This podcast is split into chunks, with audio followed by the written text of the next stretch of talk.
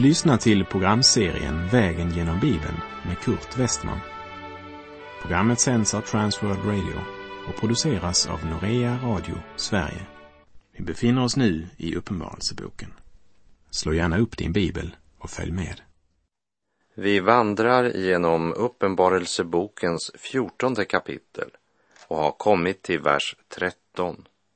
Och vi läser verserna 13 till och med 16.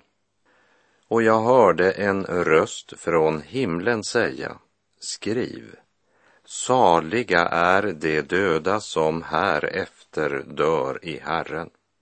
Ja, säger anden, de ska vila sig från sitt arbete, ty deras gärningar följer dem. Och jag såg och se ett vitt moln, och på molnet satt en som liknade Människosonen. På sitt huvud hade han en krona av guld och i sin hand en skarp skära. Och en annan ängel kom ut från templet och ropade med hög röst till honom som satt på molnet. Räck ut din skära och skörda. Skördetiden har kommit, ty jordens gröda är mogen. Han som satt på molnet räckte då ut sin skära över jorden och jorden skördades. Budskapet om den eviga sanningen när det gäller sådd och skörd går som en röd tråd genom hela Bibeln. Vi måste alla en gång lämna denna jord, vare sig vi vill eller inte. Och det finns bara två utgångar och det är evigt frälst och evigt förlorad. På sin väg till Jerusalem gick Jesus genom städer och byar och undervisade. Någon frågade honom, Herre, är det bara få som blir frälsta? Han sade till dem, kämpa för att komma in genom den trånga porten. Ty många, säger jag er, ska försöka komma in, men inte kunna det, säger Jesus i Lukas 13, verserna 22 till och med 24. Och i sin bergspredikan så uttrycker han det så här i Matteus 7, vers 13 och 14.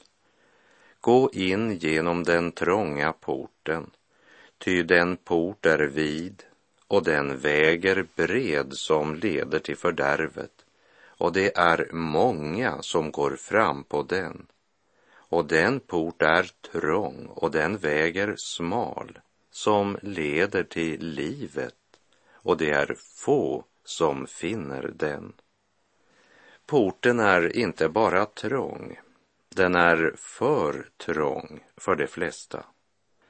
Många sökare ger upp kampen utan att verkligen komma igenom till liv i Gud. Man tar varken livet eller evigheten på allvar. Man lever för ögonblicket med endast det synliga för ögonen och hastar mot död och grav utan Gud och utan hopp. Det var ögonblicket, självisk njutning och personlig vinning som man var upptagen av. Gud har man vänt ryggen. Men när skördetiden är inne visar sig den stora skillnaden mellan det som var ljusets barn och det som var mörkrets barn. Paulus skriver så här till de troende i Galatien, Galaterbrevet 6, vers 7 och 8. Bedra inte er själva. Gud bedrar man inte. Det människan sår skall hon också skörda. Den som sår i sitt kötts åker skall av köttet skörda undergång. Men den som sår i andens åker skall av anden skörda evigt liv. Och nu får Johannes skåda in i den tid då agnarna för evigt ska skiljas från vetet. Skördetiden har kommit. Jordens gröda är mogen och skörden på jorden skall skördas. Och molnet Johannes ser, det är en identifikation. I Apostlagärningarnas första kapitel läser vi att Jesus, innan han skiljs från sina lärjungar, ger dem följande löfte. Men när den helige Ande kommer över er ska ni få kraft att bli mina vittnen i Jerusalem och i hela Judeen och Samarien och ända till jordens yttersta gräns. Och så läser vi i Apostlagärningarna 1, vers 9 till och med 11. Då han hade sagt detta såg de hur han lyftes upp och ett moln tog honom ur deras åsyn. Medan de såg mot himlen dit han for upp, se då stod två män i vita kläder hos dem och de sade, ni män från Galileen, varför står ni och ser mot himlen?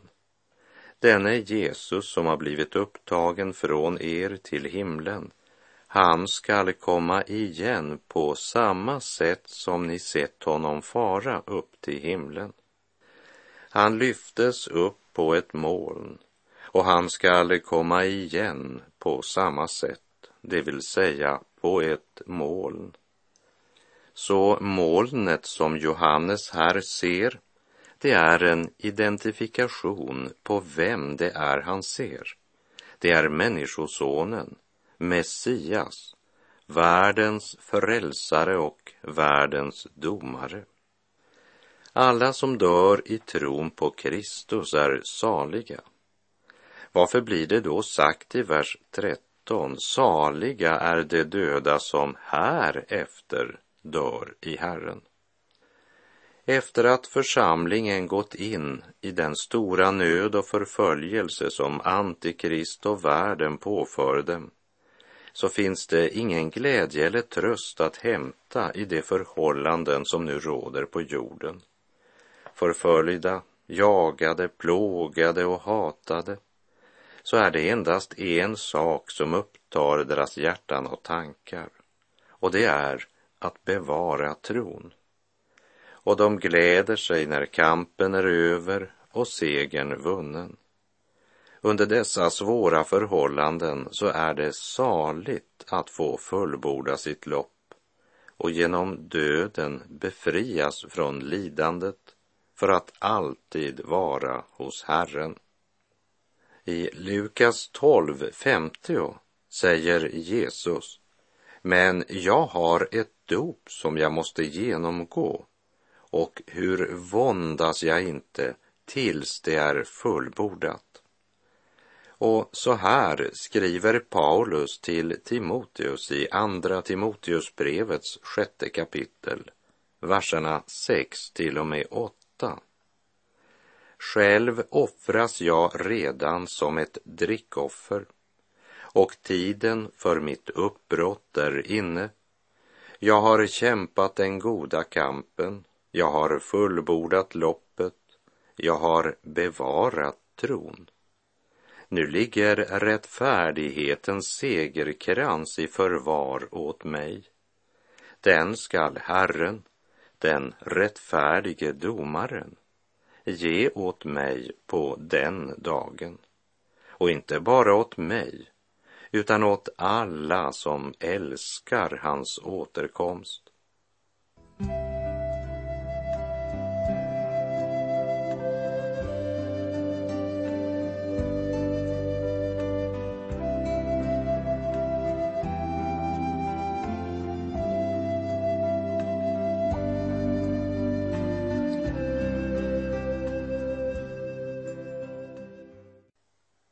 Johannes ser skördetiden vara inne.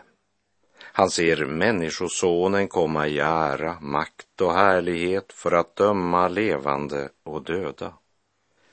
Och en annan ängel kom ut från templet och ropade med hög röst till honom som satt på molnet. Skördetiden har kommit, ty jordens gröda är mogen. Han som satt på molnet räckte då ut sin skära över jorden och jorden skördades. Kristus kommer som segerherren, men den dagen som blir den stora förlossningens dag för Guds barn blir dödens och nödens dag för det ogudaktiga och för den avfallna kyrkan. Det kan ju verka lite underligt att det är en ängel som säger till Jesus att han ska låta lien gå. Men P. Madsen, han har säkert rätt när han ger följande förklaring till detta. Att den som sitter på den vita skyn genom en från det himmelska templet kommande ängel får befallning att låta sin lie gå. Det är blott en bildlik framställning av Jesu eget ord, att Fadern fastställt Guds rikes tider och stunder genom sin makt. Men det avgörande är att det ska ske ett åtskiljande. I Matteus kapitel 13, från vers 47 och framåt, ger Jesus sina lärjungar följande liknelse. Himmelriket är vidare likt en not som kastas i sjön och fångar upp fisk av alla slag. När den blir full drar man upp den på stranden och sätter sig ner och samlar de goda fiskarna i kärl, men det dåliga kastar man bort. Så ska det vara vid tidsålderns slut. Änglarna ska gå ut och skilja det onda från det rättfärdiga och kasta dem i den brinnande ugnen. Där ska man gråta och skära tänder. Har ni förstått allt detta? Det svarade honom, ja. Liknelsens poäng det är att varna människan för den förtappelse som väntar den själ som inte söker Gud medan han är att finna. Det är en varning för falsk tröst. Nätet eller noten, det var antagligen ett garn som kastades ut och drogs in mot land. Situationen var väl känd för lärjungarna. Först fångas alla sorters fisk i nätet. Man kan ju inte sortera fisken medan nätet är i havet. Det är först när nätet har dragits i land som fisken sorteras. Och på samma sätt som ingen av fiskarna i nätet kan säga att detta finner jag mig inte i, så finns det inte en enda människa som kan undgå att en gång stå inför den allsmäktige och svara räkenskap för sitt liv. Och till dig som säger att du inte tror på att du ska dömas av Gud, så hör nu denna sanning. Du skall, säger Herren. Och kanske förrän du har tänkt det kommer ögonblicket och du ska få se om det är du eller Gud som har rätt. Johannes uppenbarelse 14.16 säger han som satt på molnet räckte då ut sin skära över jorden och jorden skördades. Som Guds barn så är vi alla kallade att så ut den goda säden. Det är inte vi som ska skörda. Vår kallelse är att så. Skörden är Guds sak. Men tills det ögonblicket kommer är vi alltså sändebud för Kristus. Det är Gud som förmanar genom oss. Vi ber och Kristi vägnar, låt försona er med Gud, som det står i Andra Korinthierbrevets femte kapitel. Vi läser Uppenbarelseboken 14, vers 17 till och med 19. En annan ängel kom ut från templet i himlen. Också han hade en skarp skära. Och en annan ängel som hade makt över elden kom ut från altaret. Han ropade med stark röst till ängeln med den skarpa skäran. Räck ut din skarpa skära och skörda druvklasarna på jordens vinstock, ty dess druvor är mogna. Och ängeln räckte då ut sin skära över jorden och skördade druvklasarna på jordens vinstock och kastade dem i Guds vredes stora vinpress. Bilden av Kristus som vi möter i Jesaja 63 talar inte om Kristi första ankomst som den förnedrade Kristus, men om den uppståndne Kristus när han återvänder för att döma världen. Hör Herrens ord genom profeten Jesaja kapitel 63, verserna 1 till och med 6. Vem är han som kommer från Edom, från Bosra i högröda kläder, så präktig i sin dräkt, så stolt i sin stora kraft? Det är jag som talar i rättfärdighet, jag som är mäktig att frälsa. Varför är din dräkt så röd? Varför liknar dina kläder en vintrampares? En vinpress har jag trampat, jag ensam, och ingen i folket hjälpte mig. Jag trampade dem i min vrede, trampade sönder dem i min förbittring. Då stänkte deras blod på mina kläder så att jag fick hela min dräkt nerfläckad. Ty hämndens dag var i mitt hjärta och året för min återlösning hade kommit. Jag såg mig omkring, men det fanns ingen hjälpare. Jag stod där i förundran, men det fanns ingen som understödde mig. Då hjälpte mig min egen arm och min vrede understödde mig. Jag trampade ner folken i vrede och gjorde dem druckna i min förbittring. Jag lät deras blod rinna ner på jorden. När Jesus kom första gången så gav han sitt blod för dem. Men de förkastade honom. De ville inte tro honom eftersom han talade sanning. Man stod inte ut med att höra hans ord, som det står i Johannes 6, vers 60. Många av hans lärjungar som hörde det sade, det här är ett hårt tal, vem står ut med att höra det? Och så förkastade de honom som gav sitt blod för dem. Så det var inte bara fariseer och skriftlärda och folket i allmänhet som förkastade honom. Till och med många av dem som till att börja med var hans lärjungar tog anstöt av sanningen. Han blev förkastad, föraktad, hånad och slutligen korsfäst. Och eftersom de förkastade honom som gav sitt blod för att försona deras synder måste de nu möta honom som domaren. Nu trampar han det orättfärdiga under sina fötter. Nu är det deras blod som utgjuts. Och han kommer att samla dem som vi senare ska se i Uppenbarelseboken 16.16 16, på en plats som på hebreiska heter Harmageddon. Tiden har kommit och jordens vinstock kastas i Guds vredes stora vinpress. Vi läser Uppenbarelseboken 14, vers 20.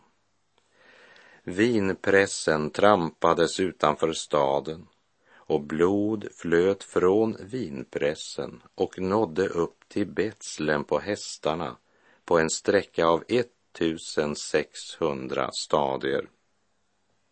Det grekiska ord som i vers 15 översatts med mogen har av andra översatts övermogen. Och det grekiska ordet keraino, det betyder egentligen intorkade och används till exempel i Matteus 13 om säden som föll på stenig mark. Jag citerar Matteus 13, vers 5 och 6. En del föll på stenig mark där det inte hade mycket jord. Det sköt genast upp eftersom det inte hade djup jord. Men när solen steg förbrändes det och vissnade bort därför att det inte hade någon rot. Uppenbarelseboken 14, vers 15 säger att skördetiden har kommit, ty jordens gröda är mogen. Ja, den är faktiskt övermogen. Den håller alldeles på att förbrännas och vissna bort i syndens öken.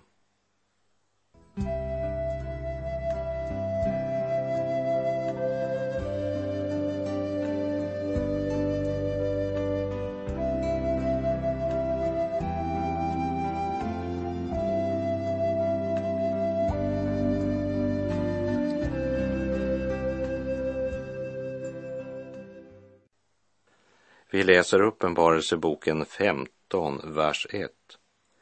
Och jag såg ett annat stort och underbart tecken i himlen. Sju änglar med sju plågor, det sista. Ty med dem når Guds vrede sin fullbordan. Som du minns så inledes också kapitel 12 med orden ett stort tecken visade sig i himlen. Frank Jakobsen säger medan tecknet i kapitel 12 uppenbarade den andliga kampens historia som församlingen nu är inbegripen i, så uppenbarar tecknet i kapitel 15 sanningen om den andliga situation som församlingen i alla tider lever i, liksom Antikrists situation är ett ständigt upprepande av den situation som den gudsfientliga världen alltid har stått i. Mitt i allt elände och de sju sista plågorna som återstår ser alltså Johannes detta tecken som ett stort och underbart tecken. Och förklaringen är, ty med dem når Guds vrede sin fullbordan. När Guds vrede över synden uppenbaras så uppenbaras också Guds härlighet och frälsningens under. Och denna syn, som omfattar kapitel 15 och 16, låter oss veta att Guds straffdomar över mänskligheten blir hårdare och hårdare. Ändå vill man inte vända om och söka Herren. Det är trons segersyn vi här möter. Uppenbarelseboken 15, verserna 2 till och med 4. Och jag såg liksom ett glashav blandat med eld, och på glashavet såg jag dem stå som hade vunnit seger över vilddjuret och dess bild och dess namns tal. De har Guds harpor i händerna och sjunger Moses, Guds tjänares sång och sången till Lammet. Stora och underbara är dina gärningar, Herre Gud, du allsmäktige. Rättfärdiga och sanna är dina vägar, du folkens konung. Vem skulle inte frukta dig, Herre, och prisa ditt namn?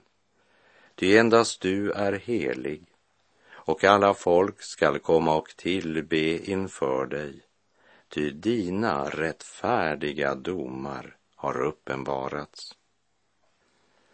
Kapitel 15 handlar alltså om de sju änglar som utgjuter Guds sju vredeskålar över jorden och om Lammets brud inte var fritagen från lidandet och förföljelsen under Antikrist så är det fritagna när det gäller Guds vrede som ska utgjutas.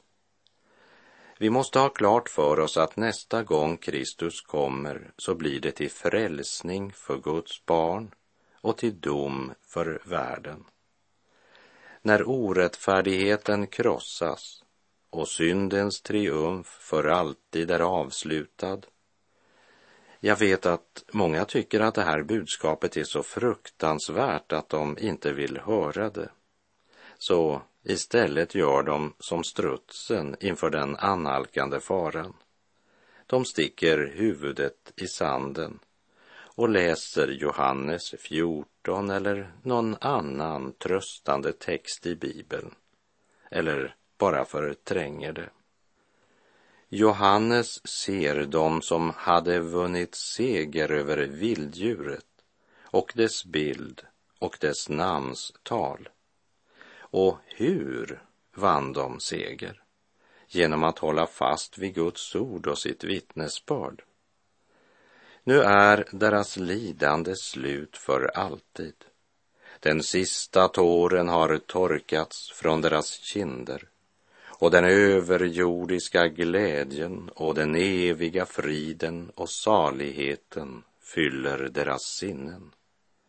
Skaran på glashavet prisar Gud för hans stora och underbara verk och för hans rättfärdiga och rätta vägar. Madsen säger, därför har vi orsak att tänka att glashavet symboliserar Guds rådslut som är genomskinligt för honom själv men outgrundligt för människor. Och jag såg liksom ett glashav blandat med eld och på glashavet såg jag dem stå som hade vunnit seger över vilddjuret och dess bild och dess namns tal. Ett triumfens, fridens, glädjen och jublets ögonblick för det heliga som så förnedrade och föraktade vandrade genom livet. Samtidigt talar elden om dom. Jesaja 29.6 säger från Herren Sebot skall straffet komma med åska och jordbävning och väldigt dån, med storm och oväder och med flammor av förtärande eld. Det handlar om människolivets två utgångar, evigt frälst eller evigt förlorad. Ty vi har inte här någon stad som består, men vi söker den stad som ska komma. Låt oss därför genom honom alltid frambära lovets offer till Gud, en frukt från läppar som prisar hans namn, står det i Hebreerbrevet 13. Och Paulus skriver så här i början av brevet till Titus. Från Paulus, Guds tjänare och Jesu Kristi apostel, sänd att leda Guds utvalda till tro och till insikt om den sanning som hör till Guds fruktan och som ger hopp om evigt liv. Ja, evigt liv har Gud som inte kan ljuga utlovat från evighet. Och när tiden var inne uppenbarade han sitt ord genom den förkunnelse som har anförtrotts åt mig på Guds, vår frälsares befallning. Och med det så är vår tid ute för den här gången. Det ska komma en dag då all smärta ska bli glömd. Inga mörka skyar mer, inga tårar där vi ser. Där är evig frid och ro i det land där vi ska bo. Vilken underbar, underbar dag det ska bli. Herren vare med dig. Må hans välsignelse vila över dig. Stora och underbara är Guds gärningar. Gud är god. Du har lyssnat till programserien Vägen genom Bibeln med Kurt Westman som sänds av Transworld Radio. Programserien är producerad av Norea Radio Sverige. Om du önskar mer information om vårt radiomissionsarbete så skriv till Norea Radio Sverige, box 3419 103 68 Stockholm.